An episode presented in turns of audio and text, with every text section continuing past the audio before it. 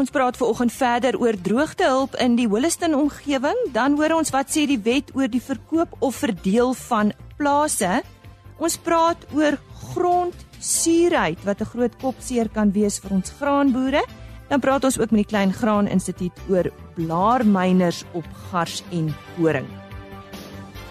Goeiemôre, baie welkom by RSG Landbou en Ons gesels vandag weer met die Klein Graan Instituut. Hulle is natuurlik daar op Bethlehem geleë en niemand anders is Dr. Gary Prinsloo. En as ons met hom gesels, is dit gewoonlik maar oor blaarmyners en juis vandag praat ons daaroor en dit is dan op gars en koring.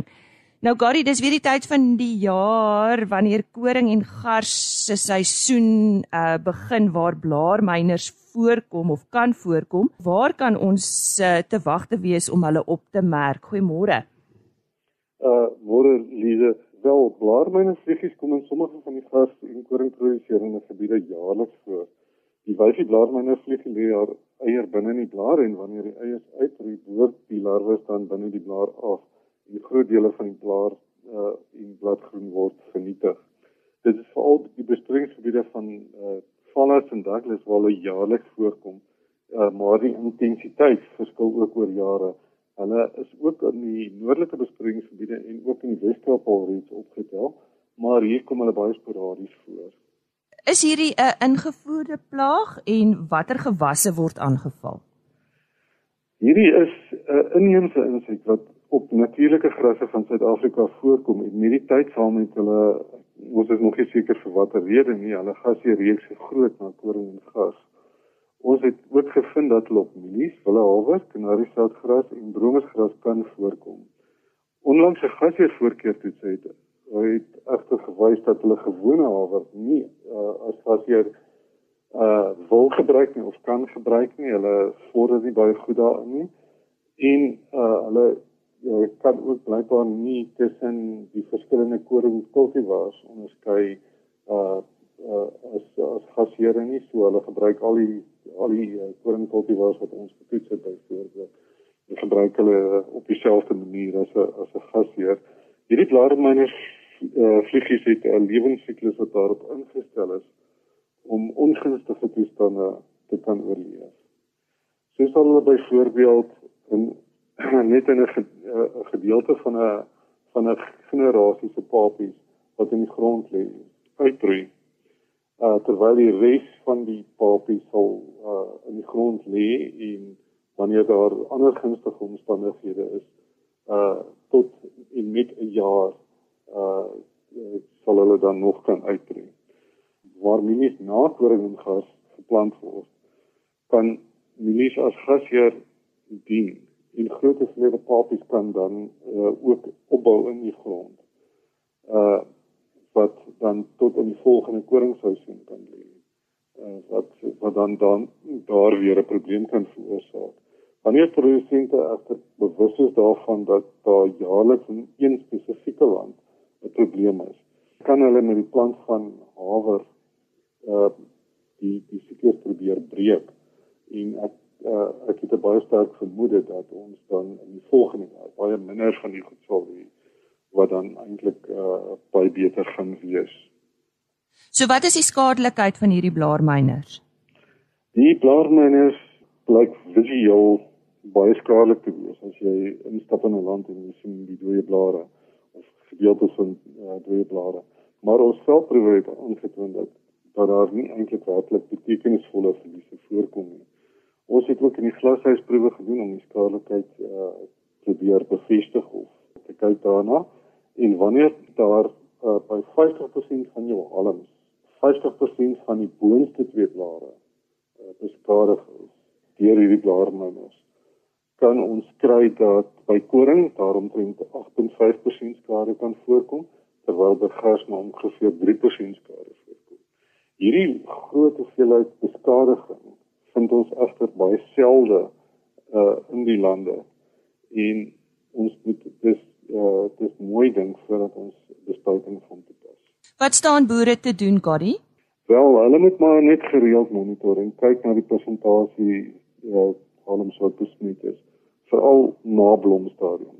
Wanneer 'n bespuiting oorweeg word, moet daar ook daarop gelet word dat die hoeveelheid larwes wat in die blare teenwoordig is, uh uh ja, hulle moet kyk na die hoeveelheid wat daar uh, teenwoordig is. As daar weet 'n uh, aantal blare is wat uh, sonder larwes is en toestande is warm, gaan dit beteken dat daar heel moontlik in die volgende dag al die larwes uit daai blare gaan wees. Uh die larwes pipeer baie vinnig ook binne in die grond en kan ook nie deur uh, chemiese beheer daar beheer word nie. Daar sou 'n bespuiting gedoen word en die blare al reeds leeg is, mos jy jou geld want jy gaan ook nie in die volgende uh, generasie dan wat na 30 dae eers van uitroei uh beheer kry. So dit is maar een van die goed wat 'n mens baie deeglik moet oplet en die besluitneming hier rondom is eintlik baie moeilik. Maar vir meer inligting kan julle ook vir my kontak. Uh my telefoonnommer is 0583073435 of prinsloo uh gj by arc.agric.za. Dit was dan Dr. Gary Prinsloo wat so sê en net weer sy kontakbesonderhede 058 307 3435 of prinsloo gj by arc.agric.za en hy's van die Klein Graan Instituut daar op Bethlehem.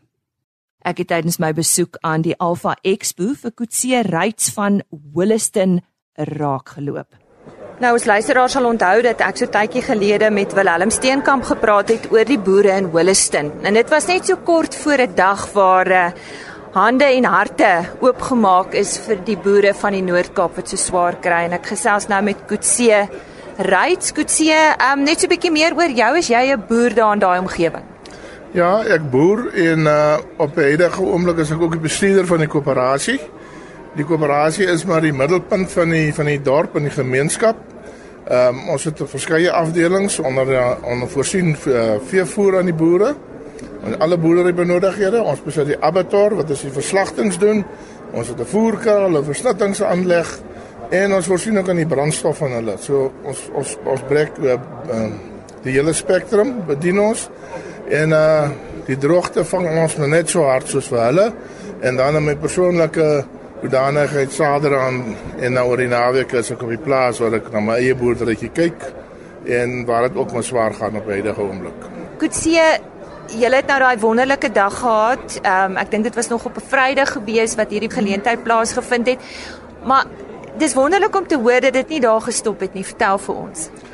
Huidiglik wil ek amper sê kry ons weekliks sodat ons kan uitdeel aan boere voere wat van heine en verre geskenk word aan aan aan die gemeenskap waaroor ons baie baie bly is dat vir dat verlig ons nood en die meeste dink ek is maak dit ons positief om te dink dat daar ander mense in ander dele is wat ons nie eers ken nie wat wat vir ons help in hierdie nood in.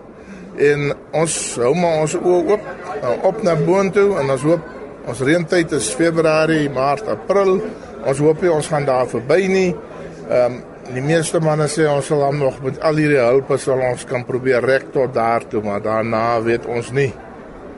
So ons ons hoop wat nou ook wel in intussen tyd met ons gebeur het en dit is dat ons produkpryse ook geweldig afgekom het. Ehm um, ons het net een een ding waarmee ons daar kan boer en dit is kleinvee en hoofsaaklik skaap.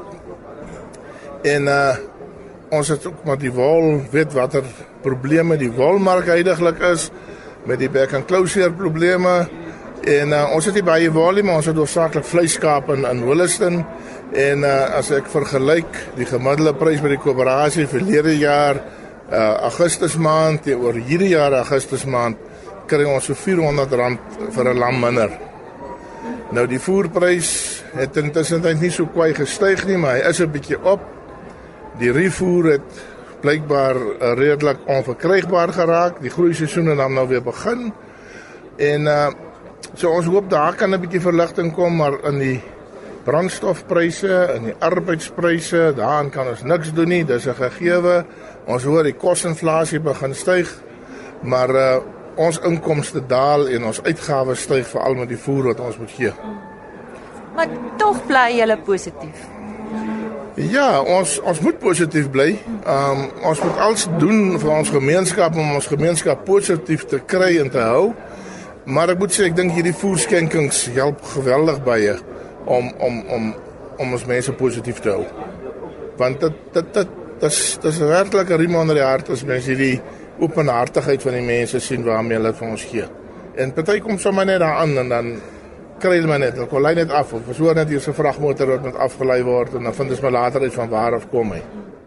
Dit was dan Kutse Reits daar van die Holliston omgewing wat met ons gesels het oor harte en hande wat oopgemaak word vir daardie omgewing. En ons vertrou nog steeds dat reën, soos hy gesê het, vroeg volgende jaar sal val. Ons sluit nou aan by Henny Maas. Ons uh, gaan nou gesels oor grondsuurheid wat een van die grootste bladvoedingsprobleme en veral vir graanprodusente in Suid-Afrika. En ons praat 'n bietjie met uh, Dr Pieter Houman van Vertasa. Uh hy is 'n kenner op die gebied. Uh, Pieter, wat is uh, grondsuurheid presies? Wel grondsuurheid is maar die relatiewe balans tussen die waterstofione en hidroksielione. Uh hoe meer hoe meer waterstofione jy het, uh, hoe laer is die pH in daai geval. pH is ook 'n logaritmiese skaal. Uh as 'n pH van 4 is 10 keer suiwer as 'n pH van 5. So dit is 'n redelike aksie daai en dan natuurlik kan 'n mens ook uitruilbare suurheid meet uh wat die persentasie is tot die uitruilkompleks en hoe daai persentasie is hoe suur is die grond. So dit is basies wat grondsuurheid eintlik behels. En Pieter, hoekom is dit 'n probleem? Die groot ding is uh soos die pH sak of die suurheid toeneem, uh word uh, aluminium en mangaan veral uh, oplosbaar, baie meer oplosbaar, soveel so dat hulle toksiese goedhede nader aan die plant het en dit uh, veroorsaak dan uh, effekte. Jy kry jou uh, inhibering van jou microbiologiese aktiwiteite. Uh, goed soos nitrifisering kan nie lekker plaasvind nie. Jy kry verlaagde benutting van molibdeen en boor en dan natuurlik fosfor ook en kalsium, magnesium, kalium. So die wortels die algemeen uh, omdat hy nie genoeg kalsium kan opneem nie, is die wortelstruktuur nie reg nie. Hulle stomp, hulle is minder doeltreffend om voedingsstowwe op te neem en ook water. So jy sien dit baie dikwels sien jy die manifestering van grondsuurheid in die veld as 'n as 'n klein rietagtige plant ten opsigte van plante wat daar goed uh, bekalk so dit is 'n uh, geweldige impak natuurlik op die op die opbrengs uh, as jy dit heel so sien dan is dit ten minste 30-40% opbrengsverlies as ons op die sien kan dit hy kan sig tot 10% 20% jy sien dit nie sommer nie so dit is 'n gevaarlike ding jy moet grondmonsters vat om dit te kan bepaal. En, en hoekom word uh, gronde suur? Wel, dis 'n natuurlike proses. Uh die atmosfeer en selfs in die grond is is redelik hoeveelhede uh, koolsuurgas. Dit dit is oplosbaar in water, reënwater, dan affekteer dit die uh, moedermateriaal en dan die grond ook waaruit hy gevorm het. En uh dan wat ook gebeur is, uh, jy kan as jy bewerking doen, dan kry jy ook versiering. Die waterstofione wat van die suur afkom, uh, verplaas die uh, basies katone katione in die op op uh, uiteraard op kompleks en dan kry mens maar versiering. Uh suur deponering, die acid rain is ook 'n natuurlike ding, dis op petrosuur en swaalsuur wat wat wat uh, by naby nywerhede is. En dan ook die groot een natuurlik is die mensgemaakte ammonium bevat na kunsmis. Die ammonium uh molekuul het dit een uit een stikstof uh, uh atoom en die vier waterstofatome. So as hy nitrifiseer, dan stel hy vier eh, suurvormende katione vry. So dit is tog 'n redelike groot impak op baie gronde dit ook. As jy natuurlik al die stikstof opgebruik met jou plant, dan kry jy uh, gedeeltelike nitrifisasie want hy skei water hidroksielion uit en wat hom balanseer. Maar as jy nou te veel stikstof gooi in die plant wat nie gebruik nie, dan kry jy kwai versiering. Selfs onder droogte toestande gebeur dit nogal baie. Suid-Afrika is seker nie die enigste land wat die probleem het nie. Hoe groot is die probleem hier? Die grootste ja, wêreldwyd is seker is daar skatting seker so 30-35% van gronde word aangetast deur grondversiering. In Suid-Afrika, die taal KwaZulu-Natal en baie plekke selfs soveel as 85%. Dis geweldig hoog daarso. Maar dit is 'n ander proses. Ons oostelike gedeeltes praat van 40% 50% hier na die Oos-Trans uh, Oos-Mpumalanga, Oos-Transvaal ook hy uh Vrystaat gedeeltes baie suur, maar wat kommerwek is hierdie westelike gedeeltes van ons wat nou ook kom ons het nou eendag geluister na Kobus van Sail ons het 'n uh, werkswinkel gehad oor grondsuurheid by Fertasa en as daar sou ons vertel 50 tot 40 50% van die gronde in die westelike dele is al voorsien. So dit is 'n redelike groot wyd versprei en natuurlik in die Weskaap is ook baie sanderige gronde ook voorsien. So dit is tog al redelik ernstige probleme in die, die wat ons binnekommer is dat dit toegeneem het oor 'n aantal paar jare wat nou plaasgevind het. En en grondsuurheid kan dit herstel word? Ja, dit is dit is die algemene bekalkings uh, kalsities of dolomitiese kalk wat jy gebruik. Uh, die baie mense gebruik uh, landbougips ook om ondergrondsuurheid reg te kry. Maar jou gewone uh, maar jy moet neutraliseer uh, in in terme van uh, karbonate wat toegedien moet word of enige basis en dan kan dit natuurlik baie maklik so toegedien word. Jy kan bepaal en vasstel hoe, hoe ernstig jou probleem is ook. En uh, as jy mens nou kyk na die ding, waarna moet 'n mens oplet uh, met die keuse van die verskillende produkte wat daar is?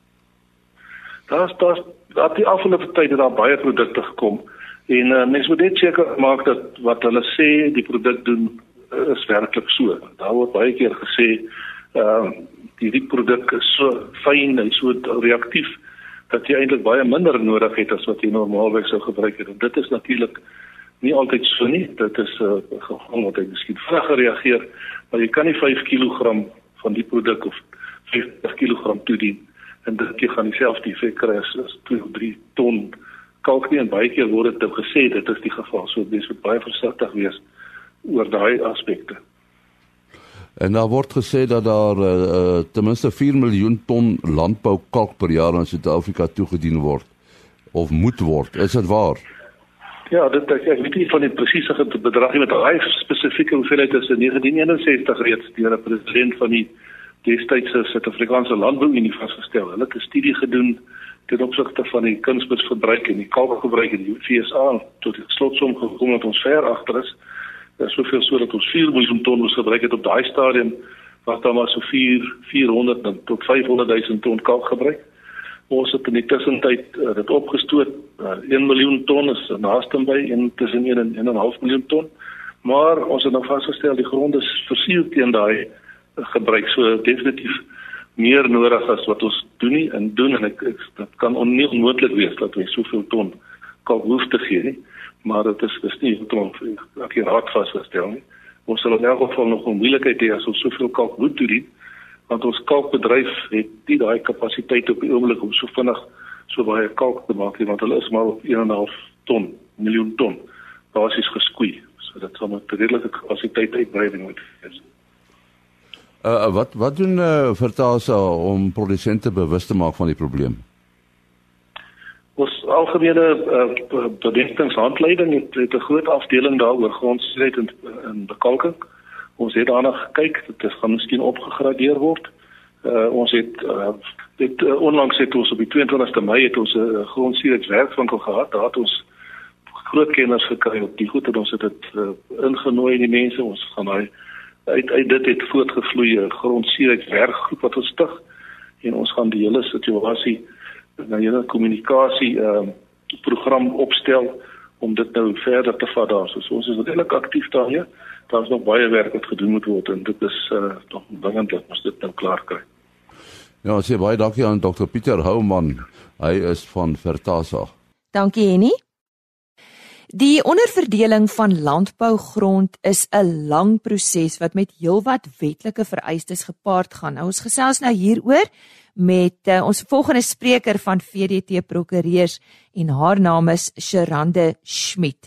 Sherande, watter wet is van toepassing by die onderverdeling van landbougrond en wat behels dit? Goeiemôre.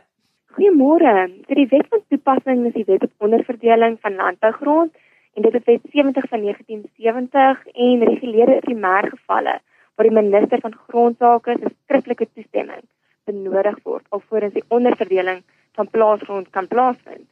So indien 'n boer 'n gedeelte van sy plaas wil vervreem deur middel van 'n dorp daarop te stig of miskien wil hy 'n gedeelte van sy plaas uitverhuur oor 'n langtermynperiode, miskien wil hy dit onderverdeel om 'n gedeelte te verkoop of miskien wil hy sy plaas bemaak aan sy kinders in sy testament.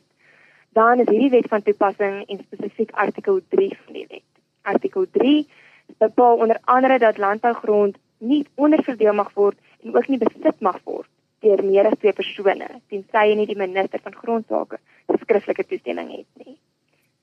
Hoekom word die minister van grondsake se toestemming benodig? Daar moet streng beheer uitgeoefen word oor hoe landbougrond onderverdeel word en dan waarvoor dit gebruik word. Die primêre oogmerk van die wet is om te voorkom dat landbougrond nie in onekonomiese gedeeltes versnipper word nie, wat dan die voedselsekuriteit kan benadeel nie. So byvoorbeeld, kom ons sê 'n boer verkoop 'n gedeelte van sy plaas aan 'n ontwikkelaar. Die kans dat die grond waarop daar nou ontwikkel is, ooit weer as landbougrond gebruik gaan word, is baie skraal. Of byvoorbeeld 'n gesin bly op 'n groot gedeelte van die plaas, maar hulle ry elke dag in stad toe vir werk, maar nie ekonomies deel is van die landbouaktiwiteite nie. So dit omstandighede soos die wat daartoe lei op die ou einde van die dag dat landbougrond onekonomies aangewend word en dit dan juist die doel van die wet om te voorkom dat dit gebeur. So dis 'n nasionale belang om seker te maak dat landbougrond nie in onekonomiese gedeeltes versnipper word nie. Is daar enige uitsonderings waar die minister se toestemming nie nodig is nie? Daar is in artikel 2 van die wet maak spesifiek voorsiening vir hierdie gevalle. Miskien net om kortliks te noem, een van hierdie gevalle sal wees waar 'n gedeelte van 'n grond van die landbougrond verkoop of um, oorgedra word aan die staat. Dan word die minister van grondsake se toestemming nie benodig nie. Verduidelik ehm um, vir ons die proses van onderverdeling. Ek het vroeër 'n paar gevalle genoem wanneer die wet van toepassing sal wees, byvoorbeeld met dorpsstigting, uitverhuuring van 'n gedeelte van die landbougrond vir 'n langtermynperiode, miskien net om onder te verdeel om te verkoop of miskien om die plaas te bemaak aan 'n boer se kinders in sy testament. So daar is verskeie gevalle wanneer die wet van toepassing is en dit hang dus af wat die boer wil doen, die proses, presiese proses wat gevolg moet word. Maar miskien net om kortliks te noem hoe die proses al begin is, die boer sal 'n landmeter kontak en die landmeter stel dan 'n onderverdelingskaart op. Hierdie kaart, tesame met die aansoek vir onderverdeling, word dan ingedien by die minister van grondsake. En dan word die toestemming uitgereik of dan al dan nie. Die vereistes vir onderverdeling is egter baie streng en dit word nie sommer toegestaan nie, maar weer eens dit hang af van elke situasie en die minister neem verskeie aspekte en faktore in ag voor hierdie toestemming uitgereik word. Maar miskien net 'n voorbeeld van wanneer die minister moontlike toestemming sal gee, is waar die plaas vroeër twee plase vroeër jaar een plaas was en dit is nou net 'n herverskuiving van grense. Of byvoorbeeld as dit 'n stuk landbougrond is van omtrent 8000 hektaar wat nou in twee verdeel word. Twyfel of die minister van grondsake 'n stuk landbougrond van 4000 hektaar as onekonomies gaan sien. Maar weer eens hang dit af van elke situasie.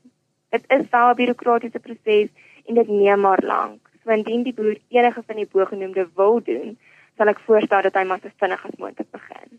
Ja. Is ingeskakel by RSG Landbou. Nou ek is seker daar's 'n paar van ons luisteraars wat graag weer na hierdie onderhoud sal wil luister. Ons gaan nou voort. Uh ons herinner ons luisteraars net daaraan indien u graag na die potgooi wil gaan soek, dis op die gewone RSG Landbou webtuiste, naamlik www.rsg.co.za maar alternatiefelik word hierdie onderhoud ook op 'n ander webtuiste geplaas naamlik www.agriorbit.com en ons sal later in die program u net weer hieraan herinner. Kom ons gaan voort. Ons gesels met uh, Sharande Schmidt van VDT Prokureurs oor die uh, onderverdeling, die verkoop ensovoorts van landbougrond. Sharande, wat moet boere in ag neem met die onderverdeel en die verkoop van landbougrond? So indien 'n boer 'n gedeelte van sy plaas wil verkoop, of dit nou aan 'n ontwikkelaar is of net aan sy buurman, is dit baie belangrik dat albei partye moet onthou dat hulle nie 'n geldige afdwingbare kontrak kan sluit tot en met hulle die minister se geskriftelike toestemming het nie. Artikel 3E van die wet bepaal spesifiek dat landbougrond, het hy dit nou opgemeet is of nie, of het hy daarop gebou is of nie, nie verkoop of vir verkoop geadverteer mag word nie. So dit beteken dat jy nie eers hier 'n uh, koopkontrak kan sluit met 'n opskortende voorwaarde wat in ons geval sal wees dat jy eers die minister se toestemming benodig nie. So enige kontrak met opskortende voorwaarde of selfs met 'n opsie om te koop is nie toelaatbaar nie. Artikel 3E sê spesifiek dat die landbougrond wat nou onderverdeel is, nie eers geadverteer mag word nie. En artikel 1 van die wet definieer die woord verkoop spesifiek as 'n verkoop onderhewig aan 'n opskortende voorwaarde. Die wet is dit baie duidelik dat geen voorlopige stappe geneem mag word tot en met jy die minister se skriftelike toestemming het nie. As 'n kontrak wel gesluit was, is dit ongelukkig ongeldig, nietig, nul en van geen waarde nie. Dit is iets baie belangrik vir die boere in ag moet neem. Wat van verhuuring? Is dit moontlik vir 'n boer om 'n gedeelte van sy plaas te verhuur? Dit is in artikel 3D van die wet breuietjie uit oor so geval. So indien 'n boer miskien regte aan 'n persoon wil verleen, maar hy wil nou nie 'n gedeelte van sy plaas verkoop nie, dan kan hy dit uitverhuur oor 'n langtermynperiode. Maar onthou, die wet verbied spesifiek gevalle wat dit 'n langtermyn huurkontrak is oor 'n gedeelte van 'n plaas. So dit beteken dat indien 'n boer 'n huurkontrak wil sluit vir 10 jaar of langer of vir die natuurlike leeftyd van die huurder, benodig hy die minister skriftelike toestemming. Dit beteken ook dat byvoorbeeld indien die huurkontrak gesluit word vir die eerste periode wat net 8 jaar is, maar die hernuwingsperiode is byvoorbeeld vir 5 jaar. Tesame is dit langer as 10 jaar en word dit gesien as 'n langtermyn huurkontrak en gaan die minister se toestemming benodig word. Maar natuurlik as dit minder as 10 jaar is, sal die toestemming nie benodig word nie. Nou jy het vroeër genoem dat die wet ook van toepassing is as dit kom by vererwing. Brei 'n bietjie hieroor uit. Dit is baie belangrik om te onthou tydens die opstel van jou testament um, of tydens boedelbeplanning is om te dink aan wie jy jou plaas gaan bemaak. So indien byvoorbeeld 'n boer sy plaas bemaak aan sy twee seuns, gaan dit beteken dat elke seun 'n onverdeelde aandeel in die plaas gaan besit. Maar weer eens, die wet het in artikel 3 spesifiek gesê dat landbougrond nie besit mag word deur twee of meer, meer persone indien jy nie die minister se toestemming het nie. So net om die boedelberedderingproses te vergemaklik en om enige probleme te vermy, sal ek eerder voorstel dat die boer se plaas bemaak byvoorbeeld aan 'n maatskappy waarvan die twee seuns dan direkteure is en in gelyke aandele besit. Of 'n ander opsie sal wees dat die boer 'n um, spesifieke testamentêre trust stig wat beteken op datum van afsterwing sou hierdie trust gestig word en dan waarvan die twee seuns dan begunstigdes is en dan so hulle voordeel van die plaas kan kry. Maar as een van die bogenoemde nie gevolg wil, word nie, is die enigste alternatief dan nou maar om die plaas te verkoop en die opbrengs tussen die twee seuns te verdeel.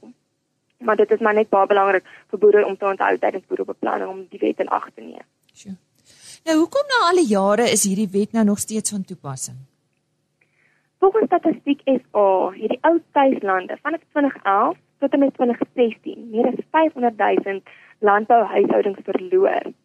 Nou hierdie huishoudings het op klein stukkies of lappies grond gewoon van sowat 0.5 hektaar en die as gevolg van die grootte van die grond was dit net te onproduktief om daarop te boer of te kweek. Volgens navorsers is die produksiekoste net te hoog en net te duur geword om selfs op 'n klein skaal byvoorbeeld groente te kweek. Hulle het gevind dat dit amper goedkoper is om jou eie groente te gaan koop as om dit self te kweek op so 'n klein stukkie grond. Dit is maar net weer eens dink ek 'n goeie voorbeeld um, hierdie artikel van hoekom die wet nog steeds van toepassing is en hoekom dit so belangrik is dat landbougrond met 'n hoë opbrengs nog steeds beskerm moet word en dat dit nie versnipper of verdeel moet word in onekonomiese gedeeltes nie. Dit was 'n baie insiggewende en waardevolle gesprek wat ek gehad het met Cherande Schmidt. Sy is van VDT Prokureurs. Hulle is in Brooklyn in Pretoria en indien jy graag met hulle in verbinding wil tree, hier is 'n telefoonnommer. Dit is 012 452 1300. 0124521300 en onthou soos ek genoem het hierdie uh onderhoud word dan ook natuurlik as potgooi gelaai. Dis dan al vir vandag. Tot môre dan. Totsiens. RSG Landbou is 'n produksie van Plaas Media. Produksieregisseur Henny Maas. Aanbieding Lisa Roberts en inhoudskoördineerder Jolandi Root.